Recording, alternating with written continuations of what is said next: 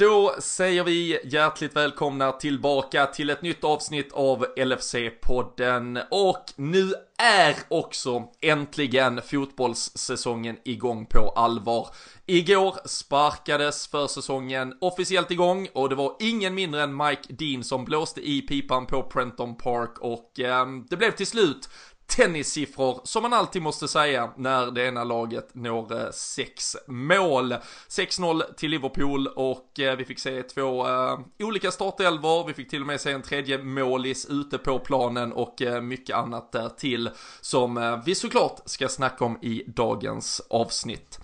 Vi gör i vanlig ordning avsnittet tillsammans med LFC.nu och är ni inte medlemmar redan så tycker vi ju verkligen att ni ska surra hela vägen in på LFC.nu, signa upp ett medlemskap och Eh, helt enkelt komma in liksom officiellt då i den röda familjen. Supporterklubben fyller 20 år i år och eh, jag vet, jag har ju liksom örat jäkligt nära marken där borta på vad som händer i supporterklubben. Så jag vet att det förbereds ett riktigt häftigt baluns under hösten för att fira detta.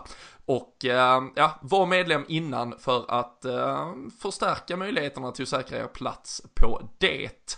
Vi eh, har såklart eh, massa andra event, vi pratar mycket om dem senast, vi ska prata mer om det sen, men eh, för att höja stämningen rejält här inne och för att höja kvaliteten något så har vi äntligen fått hem utrikeskorrespondent Daniel Forsell från Brasilien. Han ska säkert dricka upp en sista Caprinja, ni andra kan sätta er till rätta, vi rullar gingen och så kör vi igång detta härliga avsnitt.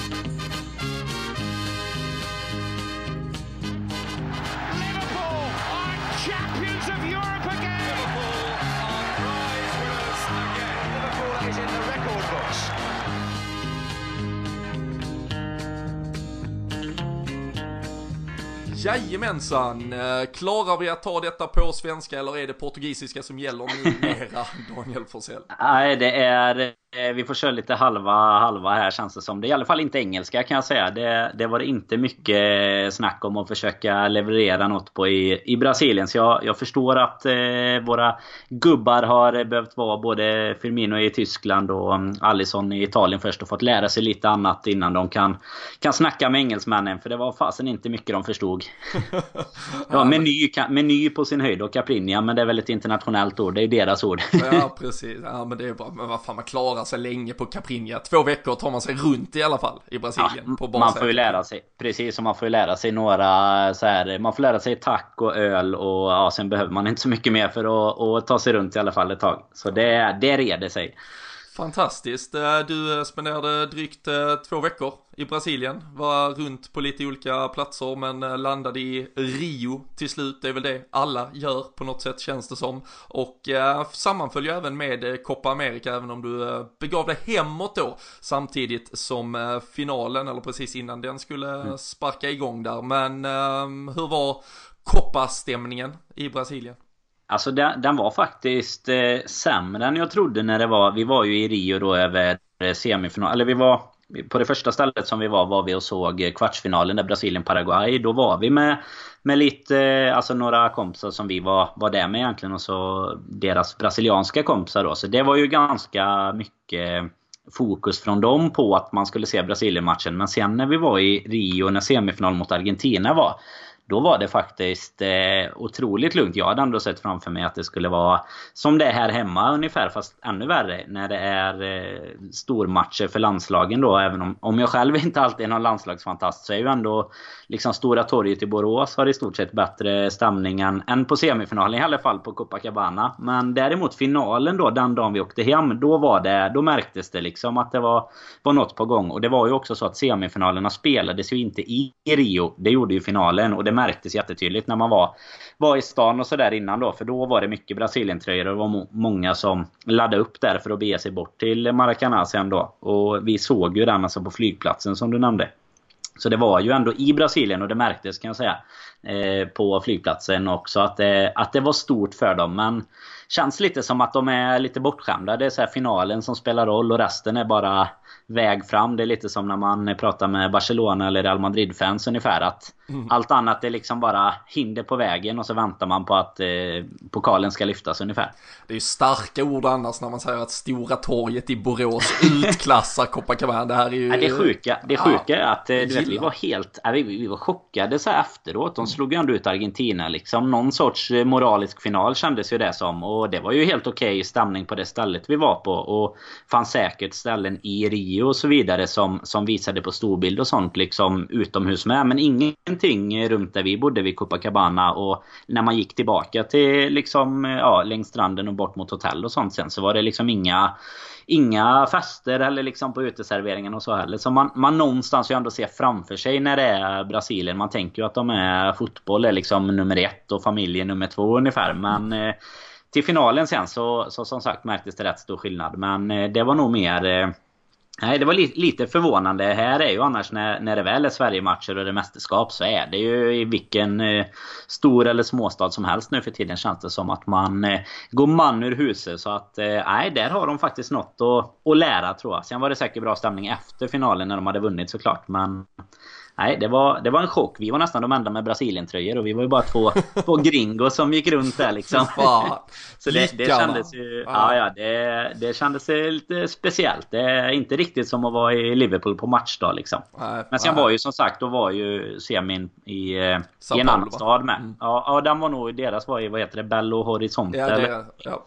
Det var där de förlorade med 7-1 mot Tyskland fick vi berättat för oss. Så de var livrädda för matchen. Så det kanske var därför ingen hade... Ingen vågat ta ut segern i förskott. Nej, fy fan. Nej, det är, det är tufft. Eh, fick du, fick du någon känsla så här, man, man, man tänker ju väldigt spontant att eh, Neymar någonstans är liksom, det, han är den upphöjde över alla andra. Nu är det ju mer ett ja men ganska kollektivt Brasilien som, eh, som sätts på plan och nu gav det uppenbarligen resultat också men är det någon, eh, nu var det ju kanske då inte eh, miljontals tröjor som flackar runt på gatorna men är det någon spelare som ändå sticker ut som, som ses som lite stjärna i den där frånvaron av Neymar till exempel? Är det, har Coutinho till exempel tagit det steget? Har Firmino fått det erkännandet? Allison känns ju som en profil på alla sätt och vis även om då målvaktströjan inte kanske är den som eh, sticker ut just i det brasilianska. Den har ju fått ett jävla uppsving i, i Liverpool-shoppen kan vi konstatera. Men eh, var det någon känsla på vilka spelare som man ändå förväntades skulle ja, bära det här brasilianska landslaget? Ja, alltså tittar man tröjor och sånt så, så även fast det inte syntes så mycket där vid just semifinalen så var vi ändå ute på jakt och skulle hitta någonting. Och det fanns ju både i, i affärer och längs gatorna liksom folk som sålde. Och då var det egentligen, det var fortfarande Neymar som var störst och som man såg mest. Men sen var det Coutinho egentligen som du nämner där som var deras ja, kändes som att han var liksom stjärnan i det här laget nu. Och jag var ju själv ute på jakt efter en Firmino-tröja såklart. Eh, men fick nöja mig utan namn sen. För han försäljaren som skulle sälja till oss, han visade liksom att nej tyvärr har jag ingen Firmino. Men det här, det här är en bra gubbe liksom. Så tog han fram en Coutinho-tröja. Och det var liksom, nej det var lite över gränsen att dra på sig den. Så fick jag förklara för honom att det inte riktigt gick för sig och då fick man en med, med otryckt istället. Men annars var det var egentligen de två. Eh, sen såg man mycket Pelé också. Många har ju där så, så mer klassiskt tryckt bara Pelé. Ja. Men inga, alltså inga Ronaldo eller Romario eller Rivaldo sådana goingar. Utan det var, det var egentligen Neymar och Coutinho och sen kom det ju ja, några andra emellan. Men Firmino skulle jag säga har ju inte alls det eh, alltså den statusen i, i landslaget känns det som, som han har. Eh, alltså bland Liverpool-fans såklart blir det speciellt men överlag annars. Alltså det känns som att de är väldigt mycket för sina inhemska spelare. Så där. Everton bland annat var ju väldigt, eh, inte just tröjmässigt, men väldigt uppsnackad när man kollade på typ sändningar och, och den biten då. Så det känns som, och det är sådana man själv kanske inte har riktigt lika bra, bra koll på när de spelar i brasilianska ligan då. Men eh, annars var det egentligen de två. Neymar, trots att han inte var med, är fortfarande den som, som var väldigt mycket i fokus faktiskt. Ja, nej, men uh, det, det, är ju känslan man har fått, men uh, fan vilken tragisk historia Neymar börjar bli. Men det hade varit ett uh, alldeles för kringligt sidospår att ge sig in på. Så det, det skiter vi i. Den hoppar vi, ja. Det är inte vi som ska värva honom och rädda honom från PSG-klorna i alla fall. Nej, jag, jag tycker vi avstår det. Um, och så tycker vi väl också att uh, alla skämt om att uh, Everton gör mål för Liverpool ifall vi nu skulle värva honom, de stänger vi också ner helt enkelt. så uh, äh, det finns uh, mycket att ta med sig från uh, Copa America. Det viktigaste är dock att vi har fått ta hem Daniel Forsell från Brasilien så att vi kan ha dig med här istället. har du lyckats få med dig allt, liksom allt jävla kul vi har planerat inför hösten medan du har suttit med dina Caprinjas? Ja, det är som man... sagt årsjubileum som ännu inte riktigt är på plats och så Jamie Webster till Malmö, Olivia Dahl och allt möjligt skoj. Fy fan man har fått sitta med boknings, eh, bokningsapparna redo i handen hela tiden när det bara har trillat in nya event. Så jag har ju sett till också att eh, jag ska ta mig ner till Malmö där och de andra... Eller Oliver Dahl har ju varit, varit bokat ett tag men eh, Jimmy Webster trillar ju in där för ja, någon vecka sedan. Eller under tiden där jag var borta i alla fall. Så det, det fick man vara het på. Det tog väl inte många... Det har du bättre koll på men det kan inte ha tagit mer än en, två dagar eller Nej, det var, två, det var två dagar så var vi ja. 360 pers. Så den är ju tyvärr slutsåld. Om det är någon som uh, lyssnar nu och tänker fan det där hade varit uh, trevligt. Uh, och det är ju lite så det funkar med Liverpool nu för tiden. Det gäller ju både om det är biljetter, nya tröjor eller ja, mm. uppenbarligen mm. även event runt omkring. Man kan inte ligga och vila när, eh, när det väl är dags, utan eh, det gäller att uh, hugga sina platser. Um, jag vet däremot, den ligger ju lite så här mitt i semester och sådär, men uh, Olivedal där den 4 augusti när vi kör Community Shield-matchen uh, mot Manchester City och så kör vi lite uppsnack med hela poddgänget på plats. Ehm, vi försöker lösa logistiken för Kalle Sundqvist, men fem sjättedelar är ju bekräftade i alla fall. Och ehm, där kommer det ju vara härligt surr innan, efter, god mat, Eh, bra öl, allt möjligt annat trevligt. Eh, och där finns några platser kvar. Så har man gått bet på till exempel poddresorna eller Jamie Webster så, så är det där en, i alla fall en bra sådär, ett litet halvt plåster som täcker några av de där öppna såren man eventuellt eh, känner. Så eh, surfa in på olivedal.se i så fall. Sen är det ju som du nämnde med det är 20-årsjubileum på gång i, i vår kära supporterklubb. Så att det kommer ju komma... Det gäller att inte liksom eh, ja, vila på hanen när det väl kommer information här sen. Det, vi ska inte säga för mycket än men vi vet att det är ganska nära tills dess att vi kommer kunna släppa information även om det. Så att eh, det kommer att, att bli mycket. Det blir en fin höst detta. Ja, mycket nej. fotboll och nu är det äntligen igång igen med. Och så mycket, mycket events och sånt. Så det blir, blir bra när vi har eh, 6-0 igång redan också.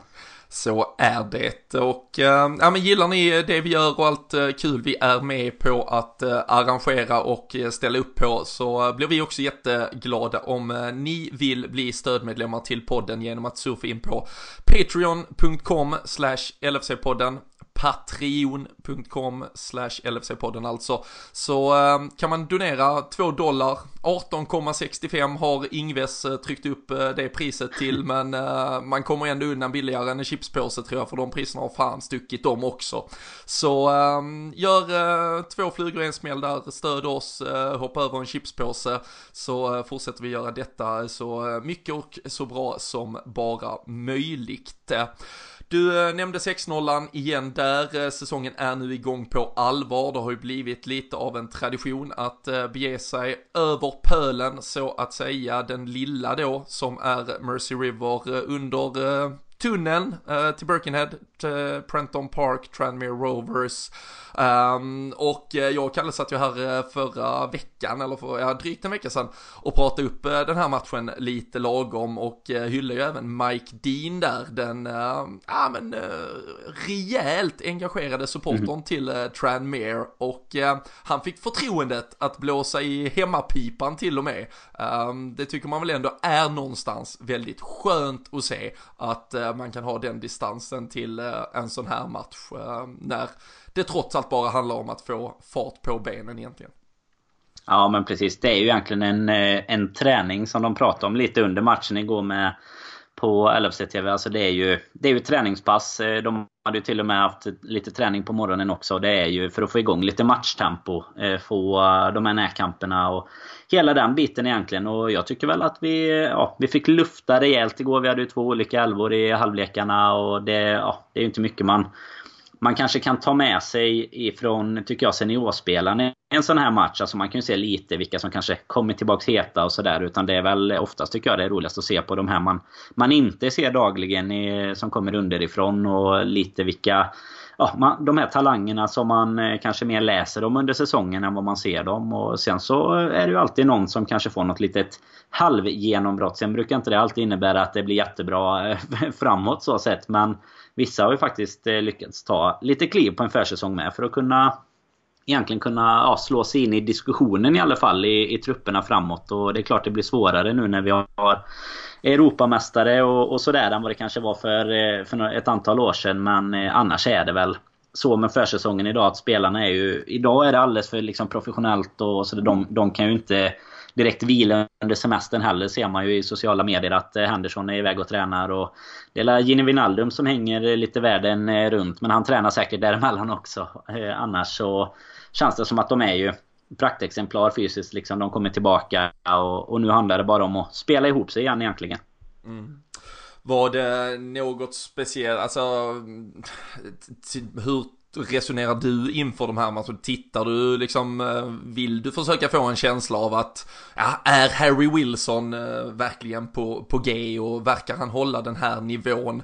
Eller eh, måste vi ge de här första, åtminstone två matcherna här på hemmaplan och sen eventuellt även någon av de första i USA för att se det för vad det är just träningspass som egentligen inte är något för ett supporteröga att bedöma någons framtid kring. Ja, nej men det, det är väl svårt. Alltså man gör ju det. Jag satt ju själv. Det är ju de man kanske ser fram emot mest. Och ser de som ändå inte bara är på tillväxt. Utan de som faktiskt måste ta klivet nu för att det ska bli någonting i Liverpool-tröjan. Och då är det ju kanske egentligen Wilson främst. Sen är det Ryan Kent till exempel. så, alltså man, man vill ju sitta och, och se den biten som du säger. Om det är någonting för framtiden. Men det är ju väldigt svårt att ta med sig så mycket från den matchen igår till exempel. Framförallt när det ganska snabbt blir 1-0 och sådär. Alltså, det, ja, Tranmere bjöd inte på något jättemotstånd så sett igår. Men det är ju ändå så att det är klart att en sån kille som Brewster till exempel som gör två mål. Kommer han igång bra på försäsongen. Och det, då blir det ju mycket snack och de får med sig självförtroendet och sådär. Så där tror jag ändå att det betyder ganska mycket att de får göra det i matchsituationer och inte bara på, på träningsplanen. Men det, det är klart att det är svårt för oss i alla fall. Och, och säga att bara för att Brewster gjorde två mål igår så ska han liksom in och konkurrera om, om en plats när ligan väl drar igång. Utan det får man väl ta försäsongen som helhet och då behöver man nog sticka ut rätt rejält. Eh, I och med att många av dem de kommer ju inte tillbaks nu innan innan i stort sett det ska dra igång. Jag menar, tittar du på till exempel Alisson och Firmino som vi nämnde innan med Copa America så Mané spelar fortfarande i Afrikanska mästerskapen. Mm. Så jag menar det är ju det är många som inte kommer komma tillbaka innan det blir dags att, att blåsa i pipan mot Norwich nästan. Och de kommer ju ha alltså max någon vecka i stort sett med, med laget. Och du kommer ändå inte peta så många av dem särskilt länge. Utan det är eventuellt om det är någon som inte är fysiskt fit. Annars är det väl svårt att slå för stora växlar av en match. Men, men som du säger, tittar vi på de här, nu är det på söndag igen, sen är det USA. Då kan man ändå få någon sorts eh, överblick över vem som ändå känns som att han kan vara med och utmana. Och det kommer väl hinna hända mycket på, på övergångsfronten kanske också. Framförallt då för de spelarna som, som vi nämnde som är lite sådär i vägskälet att nu gäller det att det blir någonting eller så, så blir det ett nytt utlån eller till och med en försäljning då. Mm. Äh, men för känslan är ju nu, eh, som du var inne på där med tanke på mästerskapen som har varit också, det innebär ju att Firmino, eh, Salah och eh, Allison kommer ju inte eh, vara med eh, i eh, USA. Sadio Mané inte heller, han kommer ju rent av eh, liksom fortsätta spela nu här. Eh, eventuellt semifinal som väntar här i början av veckan och sen så är det final på eh, fredag om en vecka eh, för Senegal. Eventuellt eh, har jag haft lite tur där med att de andra lagen fallit på eh, bananskal eller eh, mm. slått ut varandra här. Så eh, Senegal får väl ses lite som eh, favorit till att lyfta det här och då lär vi väl se en oddssänkning även på Sadio Mané upp i den där Ballon d'Or-toppen där det nu är flera Liverpool-spelare. Även om det känns som att eh, just afrikanska kanske inte är det som väger in mest, eh, men eh, framgångar både på internationell och eh, om man säger klubblagsnivå ska såklart försöka blandas ihop. Det är ju trots allt förbundskaptener och journalister världen över som ska rösta mm. till slut. Så äh, det är ju kul att se framgångarna och vi pratade lite om det i förra avsnittet med den här vågskålen kontra att det sliter på kroppen, eventuellt för lite försäsong, hur hinner de växla upp, men kan också vara väldigt, väldigt mycket positivt att få med sig en framgång såklart. Ehm, så eh, vi lär väl först ha svaret egentligen på eh, hur det här har påverkat Sadio Mané när säsongen på allvar drar igång.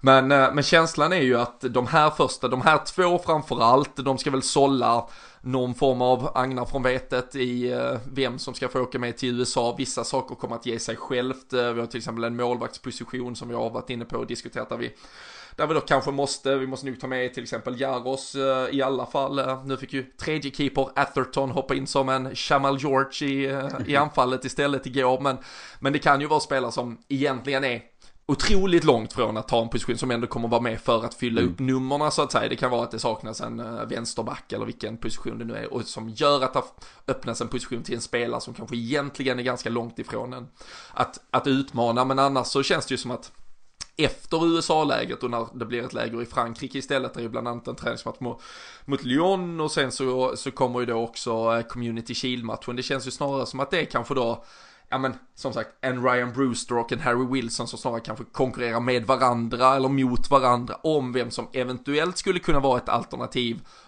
om nu då inte Sadio Mané hinner komma i fart i början, eh, Shadran Shadan Shakiri sliter med lite skadeproblem, man vet inte exakt status. Så det känns som det är ett par sådana dueller antagligen. Vi såg även på vänsterbacksplatsen till exempel där en Adam Lewis som har varit eh, kapten i flera av ungdomslagen. Nu spelar han andra halvlek men så satte vi in Yassel LaRusi um, i första halvlek istället och nu har vi ju inte något alternativ bakom en Andy Robertson till exempel och att då blir det också en lite sådär duell, det är kanske bara en av dem som kommer kunna vara med lite sådär hela vägen här och uh, de duellerna tycker jag i alla fall är lite rolig. Det finns något mer konkret att ta i. Ja, vem var bäst av de två så är det han kommer nog vara med lite längre. Lite utslags, ja, nästan ett internt utslagsspel eh, under de här första veckorna. Ja, och det är väl dem det betyder mest för också. Jag menar, James Milner spelar ju inte för sin överlevnad i, i truppen just nu när han spelar en träningsmatch mot Tranmere. Utan det är ju som du säger, det gör ju väldigt stor skillnad också om man till exempel är en av de två som ska få åka med på en USA-turné till exempel. För då närmar du dig både truppen och liksom du, du får ett, någon sorts bekräftelse på att du ändå är relativt nära även fast det ska fyllas på med ja, 8-10 spelare till sen efter alla mästerskap och sådär som sagt. Men eh, det är klart att det är en, eh, en självförtroende-boost också att få åka med på en, ett sånt läger oavsett vart man kommer hamna sen om man säger så. Då. Så att, eh, sen är det väl som, som sagt, det kan ändå, alltså i alla fall i, i Community Shield kan jag tänka mig. Jag menar den är ju inte jättelångt bort nu. Det är drygt tre veckor blir det va egentligen. Så att mm. det är ju klart att där kan man ju inte riktigt räkna med att till exempel Sadio Mané kanske ska vara, Nej, vara klar kommer, om han, spelar... Det kommer ju inte kunna vara. Framförallt inte om han, han spelar final liksom.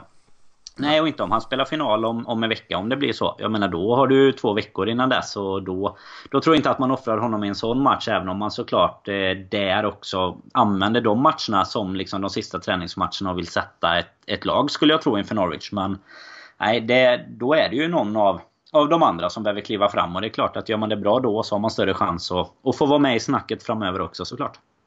Och uh, Big Divock Origi med kaptensbinden, uh, nykritat kontrakt uh, han uh, höll uppe sin uh, målproduktion och i vanlig ordning numera den assisterad av Joel Matip. denna gången lite sexigare framspelning, otroligt snygg nedtagning dessutom, runda målvakten rullar in målet. målet kan vi säkert prata väldigt mycket om, men det är kanske roligare att prata om det faktum att han skriver ett nytt kontrakt här i veckan. Um, reaktioner på att eh, vi faktiskt gör det. Um, vad, vad säger du?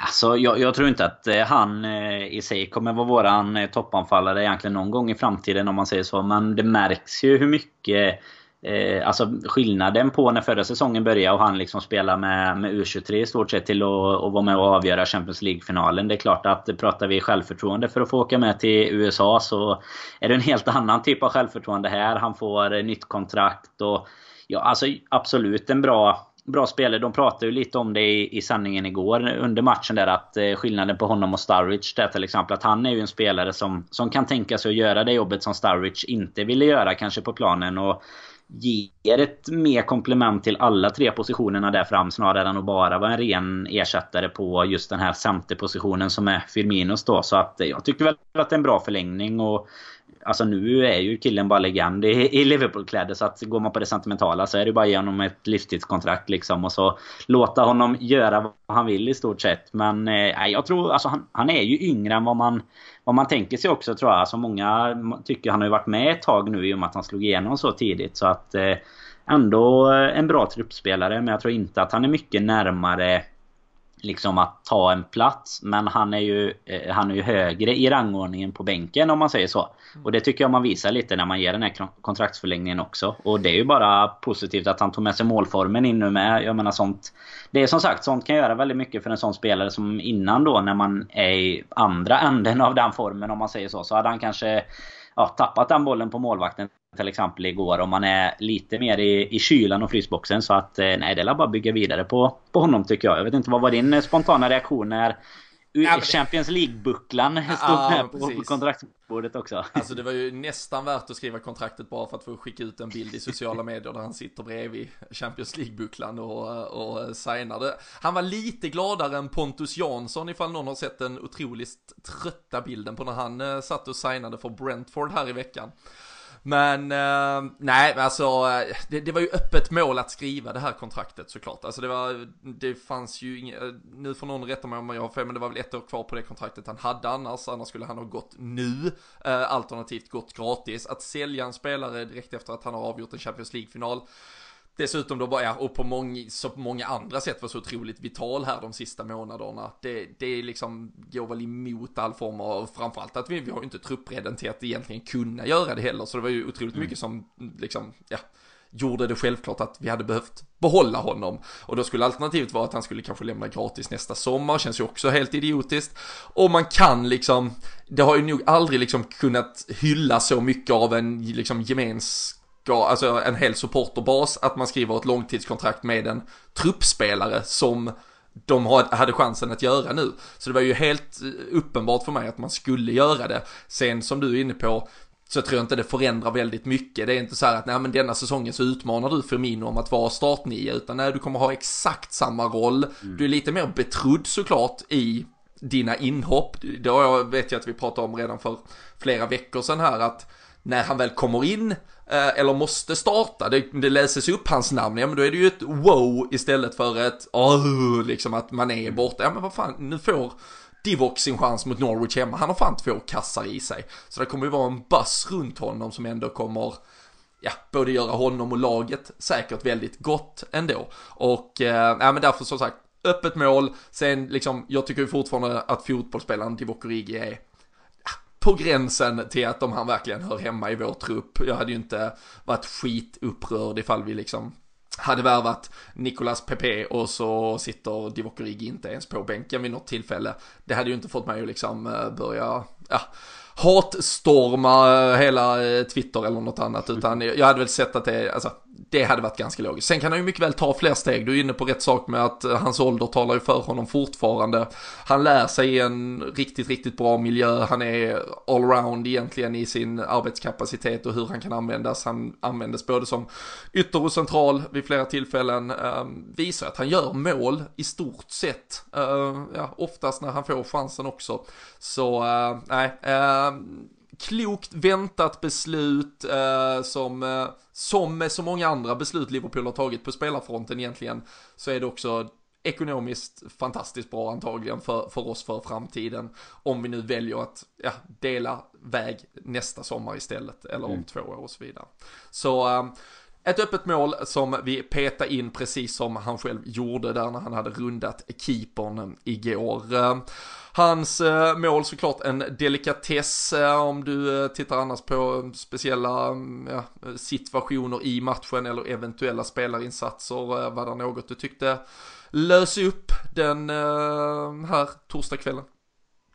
Nej men det var väl överlag en eh, liksom eh, lite såhär jobb well done typ. Eh, det var väl lite bättre. Alltså man, man ser ju, tycker jag, framför sig en första träningsmatch här. En, en 2-1 mot Tranmere eller någonting. Att kanske inte intensiteten riktigt ska vara där. Men jag tycker att vi höll upp det bra egentligen matchen igenom. Många av de lite yngre spelarna som fick, fick lite mer ytor än vad man kanske får annars. Och, och kunde mm, göra lite fina, alltså till exempel Woodburns assist till Curtis Jones är också fint. Där, om man tycker att målvakten kanske skulle kunna rädda den bollen också. Eh, om, om det hade varit Mignolet så hade det varit hatstorm på Twitter efteråt. Men eh, nej, annars tycker jag väl att eh, det är liksom inte jättemycket individuella prestationer så att ta ut. Utan snarare att vi ja, kommer in i det väldigt bra. Och jag tycker inte att det direkt är någon som, som gör det jättedåligt heller. Utan det var väl snarare som sagt kanske lite av de här yngre, yngre spelarna som eh, man vill se som också lite bekräftade att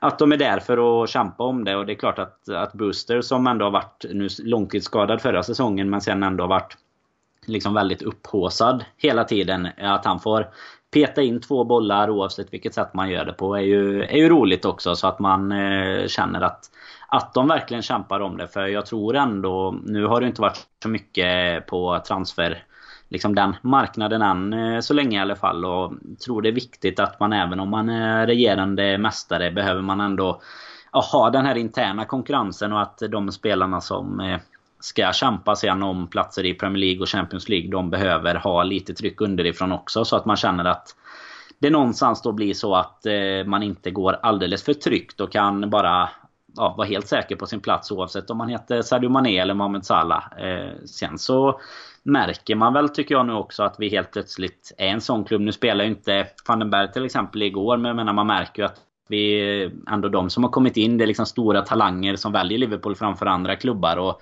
det är ju ett erkännande som vi har fått tack vare att vi vinner Champions League och de här åren med Klopp som ändå har tagit klubben till en ny, ny nivå egentligen. Så det blir spännande att se när han får komma in, kanske blir redan på söndag här. Mm. Eh, se honom spela med. Ja, det var ju ett eh, så, så kallat international clearance eh, som, eh, som saknades där. Om det är Fifa eller Uefa, det vågar jag inte gå in på helt. Eller kanske till och med FA eller någon annan som behöver trycka någon signatur på något papper. Men det är ju semestertider, så då vill man inte stressa, stressa upp sig kring. Vi får väl se där, vi ska väl prata lite om just unga talanger som väljer Liverpool snart här också.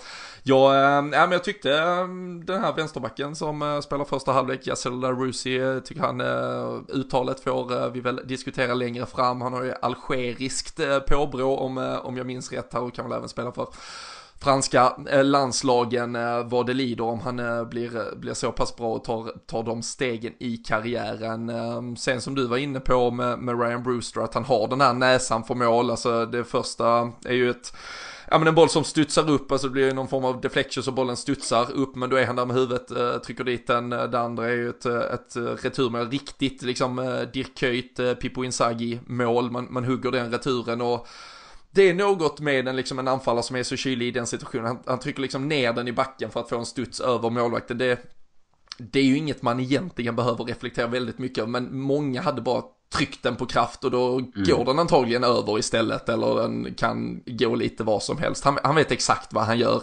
i den situationen. Det kan man väl tycka att man ska förvänta sig av de här spelarna men eh, jag tycker man ser gång på gång spelare som kanske inte har den kylan i, i de situationerna. Så, så det hade ju verkligen varit kul att se honom eh, bara fortsätta ösa in, alltså visa att han, även om det då är på en försäsongs nivå så är det ändå på en A-lagsnivå. Han kommer med tiden här när vi möter Dortmund och Sporting och Sevilla så får, får ställas mot också bra, rutinerade och alltså, ja, världsspelare på, på positioner som eh, han då ska ställas mot. Och det hade varit häftigt att se uh, honom fortsätta göra mål. Ehm, um, sen vilka saker han kommer bidra med i spelet. Kommer vara, nog vara ganska svårt. Och han är ju mer en, liksom en utpräglad målskytt kontra hur vi har använt en Firmino och sådär. Och det han, han, kan nog inte ses som en ersättare för någon av de tre där fram egentligen, så det är snarare på sikt i någon form av ombyggnad av det där systemet och exakt hur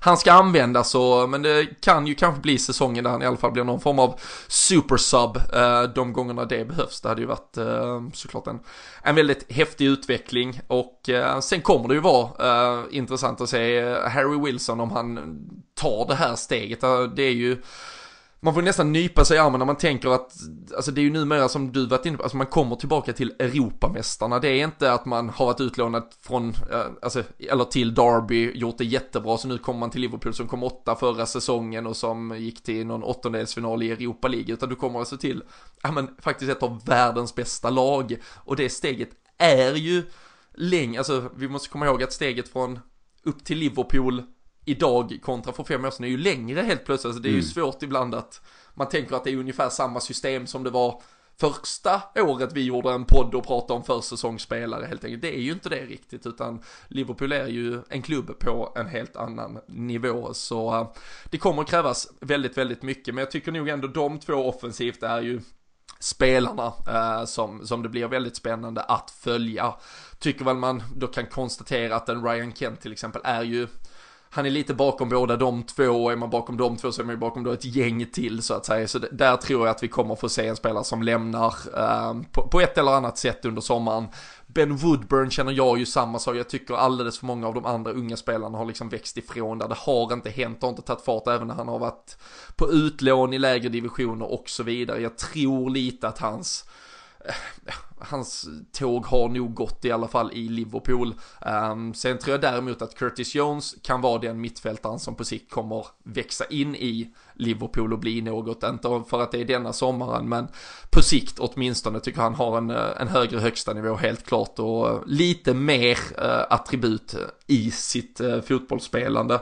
Um, sen är det ju däremot det jag tycker blir uh, kanske mest beklämmande men sen är det ju en träningsdos eh, som, som eh, gör att eh, man kanske då presterar på olika sätt just nu. Men, men en Adam Lallana till exempel är ju liksom inte ens bra mot Tranmere uh, igår och uh, det är väl snarare sådana tecken jag tycker man brukar kunna få också under den här försäsongen. Vilka spelare som, nej, det var nog rätt. De håller fan inte om vi ska fortsätta konkurrera och uh, han tycker jag ju verkligen blir en sån som man börjar känna, nej, det får vara dags snart liksom.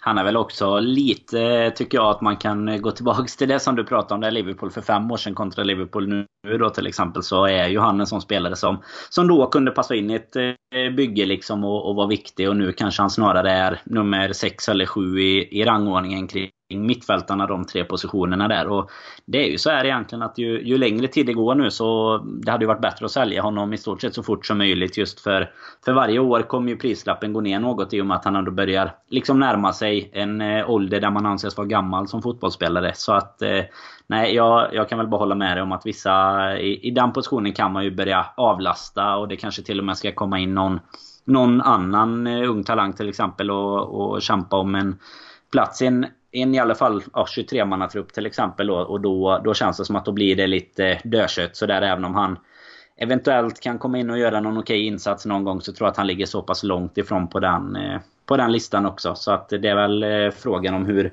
hur aktivt det letas där. Men jag kan inte tänka mig att han direkt ingår i... Alltså han har ju varit väldigt omtyckt av Klopp just i, i början framförallt med det här pressspelet så. Men jag tror inte att han ingår i några, några planer just nu direkt när, när vi har tagit nästa kliv. Och, nej, vi får väl se om, om han är kvar när säsongen drar igång Premier League här om en månad ungefär.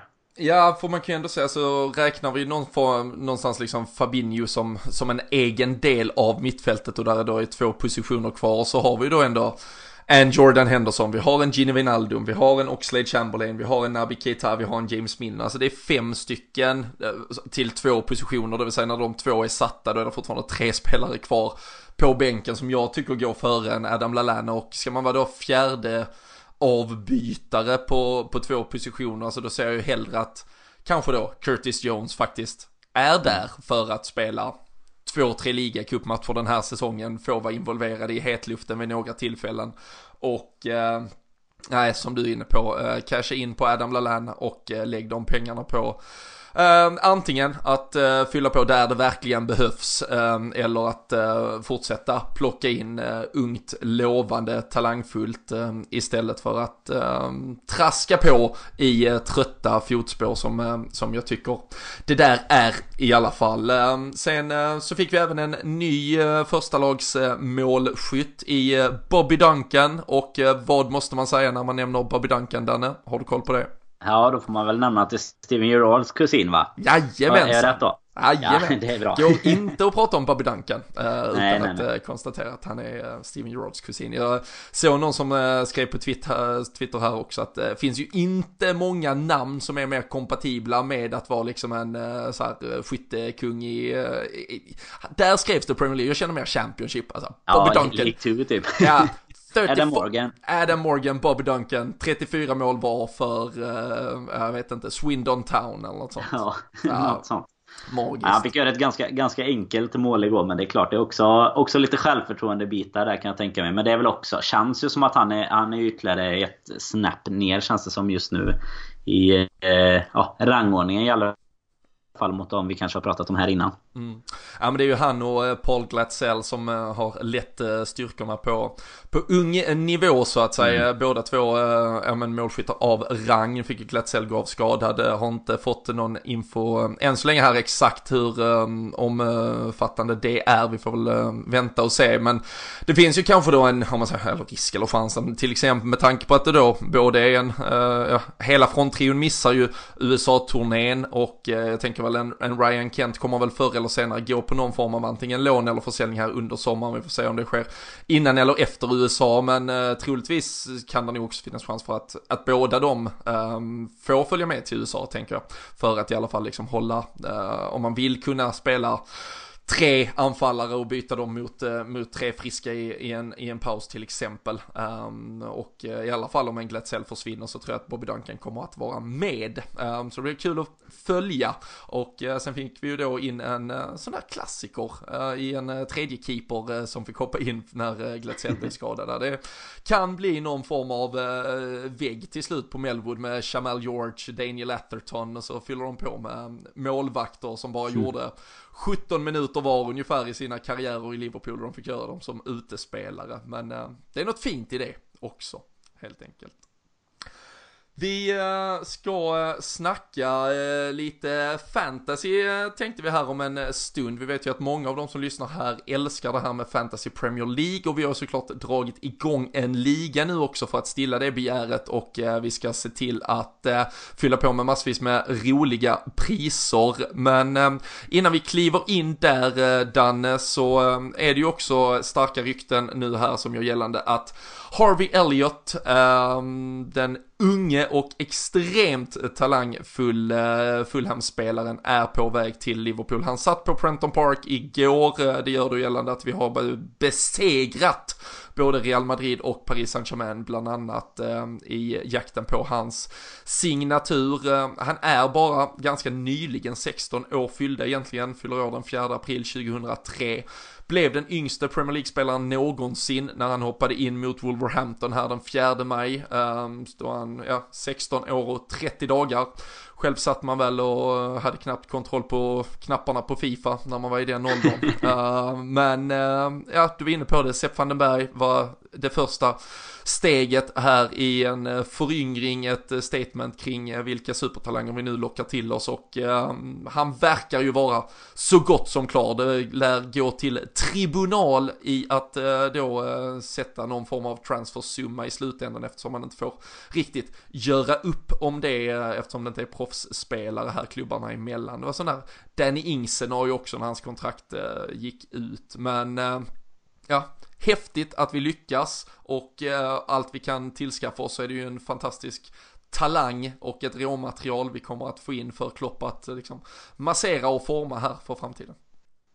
Ja men det är det ju verkligen och det, det blir ju väldigt så här att man tänker inte alltid när man sitter och pratar om framförallt de här försäsongsspelarna på de här olika åldrarna. Det är som du nämner nu han är eh, strax över 16 år bara då. Det är liksom ändå tre år eh, till att utvecklas på om du jämför med till exempel en Ben Woodburn. Och det är liksom, han är fortfarande två år yngre än både Duncan och Glatzell. Liksom, så, och han har ändå gjort A-lagsdebut i, eller Premier League-debut. Liksom, så att eh, det är klart att det är ju något alldeles speciellt när det kommer fram den typen av talanger. Det är inte, inte varje dag och att de börjar välja Liverpool om, ja, om man nu utgår ifrån att det nästan är klart. Det känns inte som att man åker till Birkenhead med klubben annars. Men eh, nej, då, då har man ju egentligen något att jobba på hela, alltså för att sätta en struktur också underifrån och jobba upp mot ja, mot eventuella ersättare. Och som du var inne på innan så ser jag ju hellre att en, en sån eh, spelare jobbar för att vara sjätte, sjunde alternativ på de här positionerna än Lalana och så vidare i, eh, i dem. Alltså om man ska jämföra tillväxtkalvarna kontra de som kanske har gjort sitt då så är det ju bättre. Alltså det, det kommer ju ge honom så mycket mer eller någon av de andra såklart då. Ja, men, men vi... här har vi ändå som du säger ett råmaterial liksom. Ja men verkligen, och vi måste ju för, för vi kommer ju inte riktigt kunna, eh, som sagt, starta Ryan Brewster i, i 20 matcher i ligan. För det är liksom numera tävlar vi på en nivå där vi måste vara vårt absolut allra bästa varje dag, varje sekund av varje match och så vidare. Och eh, men då just som du säger att, att då ändå kanske fylla truppen så att de ligger på den här nivån strax under hela tiden de, de spelar sina matcher med, med U23, de tränar uppe under liksom Klopps bevakning hela tiden. Att, att det är sådana spelare vi ändå har nära som då hela tiden varje år tar ett litet steg mot den där fulländade potentialen och sen kan släppas in. Att ha det istället för, till exempel nu får Adam Lallana lite kläskott för hela den här eh, spelaren som då är en 30-årig, eh, lite då halv, eh, halvtrött typ som, som eh, ligger väldigt långt ifrån startelvan.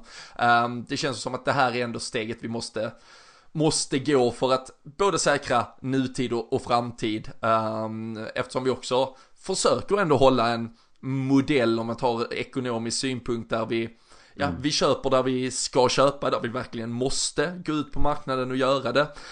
Um, det pratas ju att vi då har ersatt vår, vårt moneyball-system, men jag tycker kanske man ska påstå att vi har inte gjort det, vi har bara liksom höjt nivån på det, för både Allison och van Dijk är värda klart mer idag än vad de var när vi köpte dem. Men då vet vi att då, då finansierar vi det med att även ha en en annan business eh, vi vid sidan om. Man får ha ett par olika liksom staplar i sin eh, modell och eh, äh, att få in Sepp van den Berg och sen få in Harvey Elliot nu eh, tycker jag tyder på att eh, vi, vi tänker rätt i hur vi fyller ett par breddpositioner. Sen tycker jag ändå att vi kanske behöver en eller två spelare som går in och verkligen konkurrerar på, på absoluta liksom eh, A-lagsnivån och start 11 utmanare. Um, ehm, till exempel då för att jag inte tycker att Divock Origi nödvändigtvis måste vara första alternativet offensivt om det, om det liksom skulle vara en tre månaders skada på Sadio Mané. Då hade jag hellre kanske sett att vi hade ett uh, lite, lite hetare alternativ där. Men det, vi får väl se om, om även den typen av business kommer. Uh, Harvey Elliott är i alla fall väldigt nära och uh, vi kommer såklart titta väldigt mycket mer på honom om så blir fallet. Ehm, nu vet jag inte om du har suttit eh, vid eh, telefon, Twitter och fått dina pushnotiser medan vi har suttit här Danne, men när vi ändå pratar unga talanger som är på väg in så tycker jag också att vi måste nämna det som nyss har hänt och det är att Peter Crouch har eh, tillkännagett att han kommer att lägga de extremt stora skorna på hyllan här inför denna säsongen. Ehm, två minuter hyllning till Peter Crouch kan vi väl ta på uppstuds bara för att han är den han är det som du sa, det man alltid måste nämna med Peter Crouch, det är att han även gjorde någon säsong i, i vad heter de? IFK Hässleholm va? I, i Sverige. Reserverar mig för IFK via... men Hässleholm. ja, IF kanske. Nej, det är det de två alternativen som finns. Nej, men sen med men en brokig väg till både Liverpool och, och landslaget och nej men en eh, alltså underbar eh, spelare i sina bästa stunder. Alltså den här typiska tillsammans med Bellamy ju där brittiska anfalls 4-4-2 anfallsparet som man tänkte sig. En lång som ska nicka ner till en eh, kort och snabb som eh, gör målen ungefär. Men eh, även efter den tiden alltså verkar ju vara... Alltså de som inte följer honom på Twitter till exempel. Det är ju bara in och, och följa direkt. För han verkar ju vara komiker kanske det blir nu efter karriären eller någonting. Han eh, skrev ju även en, en bok som vi eh, tyvärr inte har några royalties på att jag gör reklam för. Men eh, jag hade en kompis faktiskt nu när vi var på semester som passade på att läsa den och gav en stark rek på den faktiskt. Så många bra historier tydligen från både Liverpool-tiden och, och hans karriär. Vad är dina starkaste minnen förutom... Är det bicicletan eller? Eller bicicletas, jag vet inte vad det heter. Det är plural lite. Vad fan, har du varit i Brasilien och inte lärt dig säga bicicleta? Vad fan? Ja, på, i, i plural. ja. det är dåligt. Uh, jag vet inte. Uh, bicicletas, tror jag. Ja, det måste det vara. Ja, äh, men han var ju en, en robotman som ändå hade eh, tekniken på sin sida när det väl eh, ville sig. Han har ju matchen mot Arsenal bland annat, så är det väl besiktas, han trycker dit den där halvbissan mot också, mot, eller vad är det, det är väl där när vi vinner med 8-0. Finns ett par härliga minnen ur, ur hela hans karriär. Vet du, för det finns ju faktiskt en sak till man måste säga när man pratar om Peter Crouch. Vet du vad det är? Nej, Hans citat. Det... Vad hade Vad han? Hans citat, vad hade han varit om han inte var fotbollsspelare? då, då hade han varit virgin. Då hade han varit oskuld, precis. Nej, äh, komiker äh, kan mycket väl bli äh, hans äh, fortsatta karriärsspår. han, det är ju någon magisk bild när han är, träffar några giraffer, är på safari liksom. träffar, hälsar på bror och syster eller något sånt. Ja. Det gillar han bjuder man. på sig själv så mycket kan man säga. Ja, verkligen. Men uh, nej, vi, eh, vi tackar uh, Peter Crouch för en fantastiskt fin fotbollskarriär och tiden i Liverpool, även om det kanske inte var under de mest då titeljagande åren, men en kultspelare som vi tar nära hjärtat och tar med oss för framtiden. Hade han eh, fortsatt en säsong till Danne så vet jag inte om han hade varit ditt eh, första val mm. i eh, Fantasy Premier League, eh, kanske för att fylla bänken, men eh, jag tänkte att vi skulle prata lite mer om vilka spelare man kanske däremot ska välja och framförallt eh, hur man ska tänka lite ur ett Liverpool-perspektiv. För eh, vi har ju inför den här säsongen igen då, och nu gör vi det på ett lite seriösare sätt, dragit igång en eh, sån här Fantasy Premier League-liga för LFC-poddens lyssnare. Vi försökte ju för två år sedan, då fick Kalle Sundqvist det stora ansvaret att bära kloppbrillorna, men efter att han spelade Coutinho som kapten även när han hade lämnat Liverpool, då kände vi Danne att nu måste styrelsen träda in, vi sparkar honom, vi tar en säsong där vi begrundar våra misstag och sen kommer vi tillbaka starka så in i helvete inför den här säsongen istället. Ja men det är det. Nu, får, nu är det var man för sig i podden. Så att nu, eh, nu jäklar vi det med alla våra, våra lag än så länge i alla fall. Så att eh, nej det, det är jäkligt roligt. Jag vet att både du och jag är väl, eh, är väl kanske de största fantasterna av just fantasy i, i poddgänget. Men jag vet att vi har extremt många lyssnare som vi hade Det var ju en väldigt säger man väl, välbesökt liga tänkte jag säga, säger man nog inte. Men det var ju väldigt många med sist. Och fina priser med lite matchtröjor och, och sådana bitar. Så att eh, det... Nej, jag vet inte om jag ska dela med mig av första priset eller om jag ska lägga beslag på det själv. Ja, nej, men du... jag har inte bestämt än. Ja, du är ju het så eh, in i helvete på det här med eh, fantasy. Um, vi kan väl väldigt kort, eh, kan ju faktiskt sitta de som lyssnar som tänker vad fan är det nu de ska snacka om här de sista tio minuterna när man vill höra något mycket roligare. Men vi tycker detta är roligt, vi vet att många som lyssnar faktiskt tycker det är roligt och Fantasy Premier League är ju helt enkelt att man, man sätter ihop ett lag eller en trupp baserad på spelare i Premier League. Uh, man har en uh, viss budget, så det är liksom inget Manchester City-bygge, det är inget Pep Guardiola hade trivts med överhuvudtaget. Utan mm. här gäller det att uh, tänka smart och liksom valuta för pengarna. för sen får ju då de här spelarna du har valt i ditt lag poäng baserat på hur de faktiskt då presterar i verkligheten. Målvakter får såklart poäng för att de håller nollan, om laget vinner och så vidare. Det är ju bra att göra mål, assist, man ska undvika gula kort och så vidare. Det är ju ganska enkelt system så sett. Um, den här truppen sätter man ihop, om man går in på fantasy.premierleague.com, uh, eh, väljer ett namn, väljer att man är Liverpool-supporter, uh, knåpar och sätter ihop det och måste ju ha det klart såklart innan säsongen drar igång och sen inför varje omgång får man göra lite byten och det baseras lite på vad man ja, ett är ju standard så kan man behålla ett och sen finns det lite specialknep att eh, utnyttja längs vägen också. Men eh, vill man då vara med i LFC-poddens liga, då eh, går man till ligor och att man vill joina en liga och så fyller man i vår kod där då. Den har vi lagt ut på Twitter tidigare, vi kommer lägga ut den igen. Men eh, vill man skriva ner den kan man också göra det. Då är det ACD Y who O. Um, vill man översätta det från skånska får man använda någon form av uh, verktyg som finns här på uh, nätet. Men uh, med den koden så hoppar man rakt in i vår liga och där kommer vi medlemmar av podden tävla med våra egna lag, ni tävlar med era och så ser vi till att fylla på med lite roliga priser längs vägen. Såklart något första pris till den som vinner totaltävlingen och sen kanske vi kör lite sådana här sportpriser eller någon speciell omgång eller annat också för att hålla fart på det. Men eh, den stora vinnaren kröns alltså efter 38 omgångar. Och sen är det viktigt Anna, man får bara ha tre spelare från varje lag. Ehm, de flesta som då inte kanske är invigda i detta tänker väl direkt att det är bara att sätta Liverpools gäng på banan. Men eh, här måste man ju faktiskt välja bort några av alla de där Liverpool-spelarna man älskar. Ehm, vi vill ju inte avslöja helt våra lag kanske, men hur har du tänkt lite i alla fall kring Liverpool-spelarna? Och eh, hur får du, tror du i alla fall, mest valuta för pengarna när du ska placera ut alla våra stjärnor?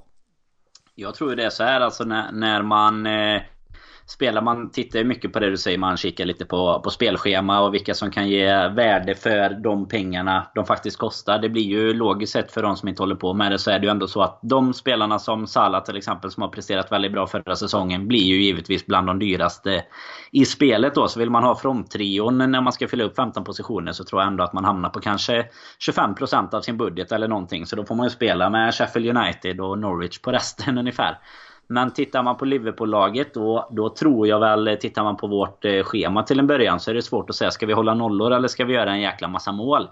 Så där får man ju hitta någon liten avvägning. Det jag kan eh, skicka med i alla fall är ju att jag, jag kommer sitta på tre Liverpool-spelare de första omgångarna i alla fall utan tvekan. Eh, för det, tittar man på förra säsongen så gav ju givetvis Liverpool och City väldigt bra valuta för det. Men jag tror att många också ger eh, liksom valuta för pengen. Om man tittar i våra ytterbackar till exempel är ju, är ju de två dyraste egentligen nu i hela med Robertson och, och Trent då. Eh, som har blivit dyrast i hela, hela detta spelet om man säger så då. Så eh, man märker att de ger ju poäng både Alltså som du nämnde innan om man håller nollan och sen om de gör poäng framåt då. Mm. Så ja, ju... Eh, där, där skulle jag väl ha, ha kikat lite extra tror jag om man ska börja med ett, eh, ett tips i alla fall. Ja, nej men det är ju, de är ju de enda då eh, backarna som kostar just 7 miljoner. Det är lite så här magisk gräns eh, i spelet för en, för en back eh, där. Vet att Marcus Alonso hade ju någon period i Chelsea där han verkligen pikade också och var uppe på de siffrorna. Men annars är det som du är inne på, det är ju många Liverpool-spelare som verkligen ligger i topp här lite också, det får man ju ha med sig, det är ju för att vi kanske till mer större del spelar samma startelva, det vill säga att det är lite mer garanti på att våra spelare spelar, än där City kanske ibland då varierar i eh, offensiven så att säga, det är inte garanterat att ens att en Agüero spelar varje match så kan vara en Gabriel Jesus som kommer in eller så är det, man vet inte riktigt om det är Sané eller Mares eller vem det är och, och så vidare och det gör ju att deras poäng per spelare sprids ut lite mer. Eh, Allison nöp ju annars eh, poängproduktionen eh, precis framför Ederson förra året, de är ju de två då både dyraste och bäst poängsamlande målvakterna från förra säsongen. Sen eh, är det faktiskt tre Liverpoolbackar i form av Robertson, van Dijk och Alexander Arnold i den ordningen som eh, var backarna förra säsongen som drog in mest eh, poäng. Sen har vi Laporte därefter och sen faktiskt en handfull nästan Chelsea-backar. De var bra defensivt också så ett par mål på de huvudena också framförallt. Sen är det Salah Salah som har eh, sällskap av Sterling och eh, därefter Mané i topp bland mittfältarna på fjolårspoängen. Och så får man då räkna lite poäng kontra pris kontra hur mycket de egentligen spelade kanske för att få ut eh, en, eh, en bra liksom chart för eh, hur eh, det kommer gå den här säsongen. Kan ju också vara spelare som byter lag, byter position och det är väl där man ska försöka knäcka lite koder. En spelare som kanske Förra året jag såg en eh, Gerard Deulofeu i Watford som fick rätt mycket poäng men det var ju för att han faktiskt poängsatte som mittfältare, gick som mittfältare. Nu har de flyttat upp honom så han går som anfallare och en anfallare får lite mindre poäng för sina mål och så vidare. Så det är ju sånt man ska ha med sig i tankarna och eh, både Salah och Mané går ju som mittfältare. Det gör ju att deras, de får lite mer poäng för just mål medan Firmino går som anfallare så då, ja, då får inte han lika mycket för, för de delarna. Um, vi satt också här innan och gjorde en liten uträkning på just Andy Robertson och Alexander Arnold som jag tycker att vi kan dela med oss av. Uh, kan ju vara någon som redan har gjort det här grävet, men uh, båda två prisas ju till uh, exakt samma summa och eh, Robertson tog klart mer poäng förra säsongen. Men det var ju faktiskt också för att Trent Alexander-Arnold inte spelade lika mycket. Så snittar man det på spelade matcher så tog faktiskt Alexander-Arnold ungefär en poäng mer per match än eh, Robertson. Så kanske man ska ha med sig och så får man känna lite på formen. Vem tror man kommer både spela mest och bidra mest om man nu måste välja mellan en av dem. Eller så slänger man in ja, båda två eller till och med kryddar med alla tre i form av van Dijk om det är just försvarslinjen man vill ha med. Men utan att avslöja några namn då kanske än så länge Danne, hur har du tänkt i ja, positionerna, Vil, var har du satt dina Liverpool-spelare? Uh, avslöjar du din målvakt så må så vara, men annars är det försvarare eller är det offensiv kraft? Nej, jag har faktiskt ingen, ingen Allison i, i mitt bygge. Det är... Eh, jag vet inte, alltså man, man, det blir ju så här när man sätter... Man har ju då eh, 100 miljoner då i, och så prisas de ju när vi pratar 7 miljoner och så vidare. Då snittar man ut det tror jag man hamnar någonstans mellan... Ja, det blir mellan 6 och 7 miljoner per, per gubbe som man kan lägga. Man skulle lägga det rakt igenom medan anfallarna kanske kostar mellan 11 och 13 13 de bästa så. Så att eh, målvakter brukar ofta vara lite mer budget på faktiskt. Just för att eh, miljonerna behövs på andra ställen och de tar ju ganska mycket färre poäng på en total säsong än vad de offensiva spelarna gör då. Men jag har, jag har två försvarare och jag har eh, en mittfältare i Liverpool. Men jag kan avslöja att det är, eh, jag är inte Trent, jag har Robertson, van Dijk och Mané. Men det kan man ju också lägga en liten brasklapp där att eh, ända fram tills liksom veckan innan man kan ju göra fria byten nu ända fram till dess att säsongen börjar. Och Mané har vi pratat om i avsnittet här redan. Det är ju en sån spelare som... Han kanske inte ens kommer till start då mot eh, Norwich beroende på hur det har gått med Senegal och hans semester och sådär. Så man behöver ju hålla lite koll ända fram om man nu vill eh, vara, vara först på startlinjen där efter eh, omgång ett. Så att då kanske det blir så att han han ryker och då har jag inte råd med Salah kan jag säga. Så då får vi, får vi se om vi kan göra några andra förändringar istället. Ja, har du några ja. Liverpool-spelare i, i grundbygget här en månad innan?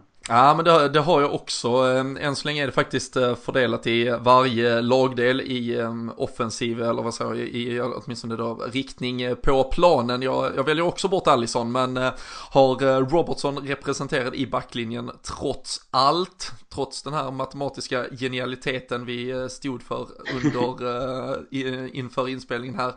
Sen har jag eh, gjort plats eh, för Salah. Jag står hellre i den omvända situationen att eh, jag kanske går över till Mané ifall det nu är så att jag känner att han kommer vara spelklar inför eh, Norwich-matchen och då, har jag, då kan jag istället ja, växla upp på någon av de andra mittfältarna kanske, eller någon annanstans och eh, har även Firmino faktiskt eh, i min elva. Tycker det är ganska svårt med anfallarna inför denna säsongen. Vi, eh, vi hade ju förra säsongen ett par spelare som en eh, Jimenez i, i Wolverhampton, en eh, Calon Wilson i Bournemouth som eh, under i alla fall varsin halva av säsongen liksom stod för sanslösa poängproduktioner till då ganska eh, ja, men behärskade prislappar. Men eh, det är ju liksom ingen målgaranti direkt från start på de här nu känner jag, utan de behöver i så fall bevisa lite för att jag ska våga eh, kliva in eh, helt ner i den båten eh, på dem denna säsongen också.